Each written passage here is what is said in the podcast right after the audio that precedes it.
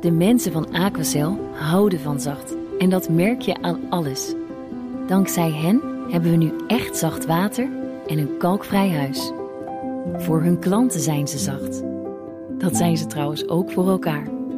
Voor ons zijn zij de kracht van zacht. Aquacel.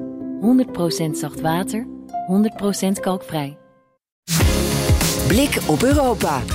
En dat doen we met Europa-verslaggever Geert-Jan Haan vanuit Praag dit keer. Daar is hij op de bijeenkomst van de Europese politieke gemeenschap. Geert-Jan, 44 landen op, denk ik, wat we mogen noemen een nieuw gremium.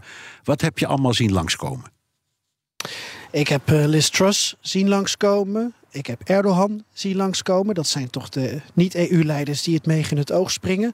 Ze mochten allemaal op audiëntie hier op de Praagse burcht bij de Tsjechische gastheer Petr Fiala. Die was echt ongeveer anderhalve, twee uur bezig om iedereen te verwelkomen. Al die kolonnes. En het zijn uiteindelijk 43 Europese leiders in totaal. Want uh, Denemarken heeft afgezegd. Maar Ursula von der Leyen en Charles Michel zijn er ook vanuit Brussel. Dus iedereen is bij elkaar. Ja, leuk dat al die Europese leiders er zijn. Uh, maar daar kun je toch nooit in één dag iets mee bereiken met zo'n grote groep uh, leiders? Maar is dat erg, Bernard? Is het de bedoeling uh, van de politiek dat je in een paar uur alles met elkaar kunt bekokstoven en alle problemen uit de wereld kan halen?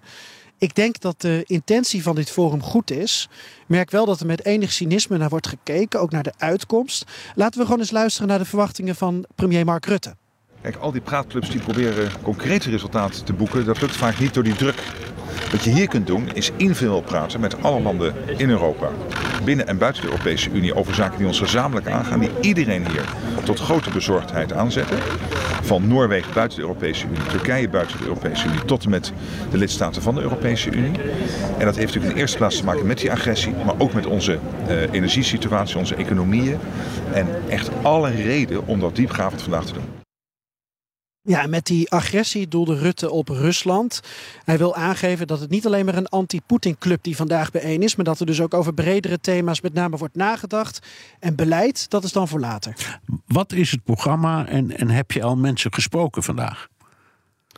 Ja, Rutte, Alexander de Croo van België, Callas van Estland, Sanna Marin van Finland.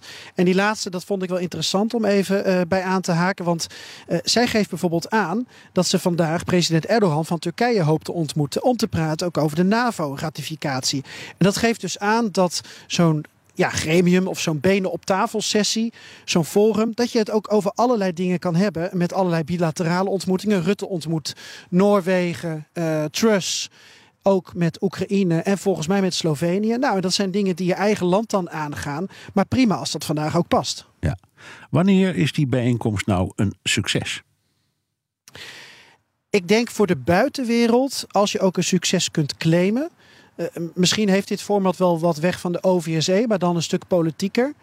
Ik kijk er niet gek van op als er heel hard gewerkt wordt aan een vredespoging in een probleemgebied in Europa. Bijvoorbeeld dat vandaag uh, de vrede tussen Azerbeidzjan en Armenië zou, Armenië zou kunnen worden getekend. Het zal niet gebeuren, maar ik weet dat Turkije, Macron, Michel, die zijn allemaal bezig met uh, ja, bilaterale ontmoetingen en allerlei formats binnen deze hele nieuwe Europese politieke gemeenschap. Het zou kunnen dat het vruchten afwerpt. Geldt ook voor de ontmoeting tussen Marine en Erdogan. Ik stelde de vraag van wat is nou een succes ook aan de premier van Estland, Kaya Kallas, en die hoor je eerst. The question is whether to be a renewal, uh, whether this is going to be a format that is coming together uh, not only once but uh, but every year, for example. And that's most important to you that it will be on a regular basis.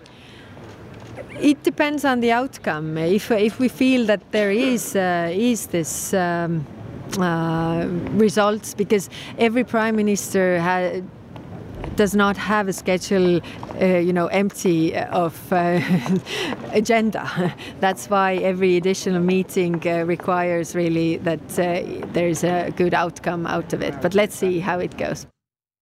Ja, er moet wel een meerwaarde in zitten, Bernard. Want anders is het als een soort voetbalagenda waar allerlei toernooien aan worden toegevoegd, waar niemand tijd voor heeft. Ja. Dat is wat Callas zegt. Nu het antwoord van Mark Rutte. Wanneer is dit format volgens u een succes? Als dit ertoe leidt dat al deze meer dan 40 regeringschefs en presidenten zich hier vertrouwd voelen om diepgaven te analyseren wat zijn de problemen en wat kunnen we gezamenlijk doen om ze op te lossen. Als dat lukt, dan is dit een succes. En zijn uiteindelijk Belarus en Rusland op een latere termijn dan ook welkom wat u betreft? Dan zullen er grote veranderingen moeten plaatsvinden eerst.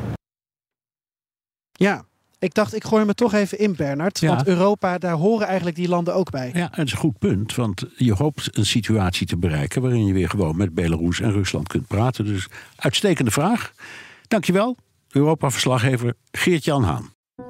De mensen van Aquacel houden van zacht. En dat merk je aan alles.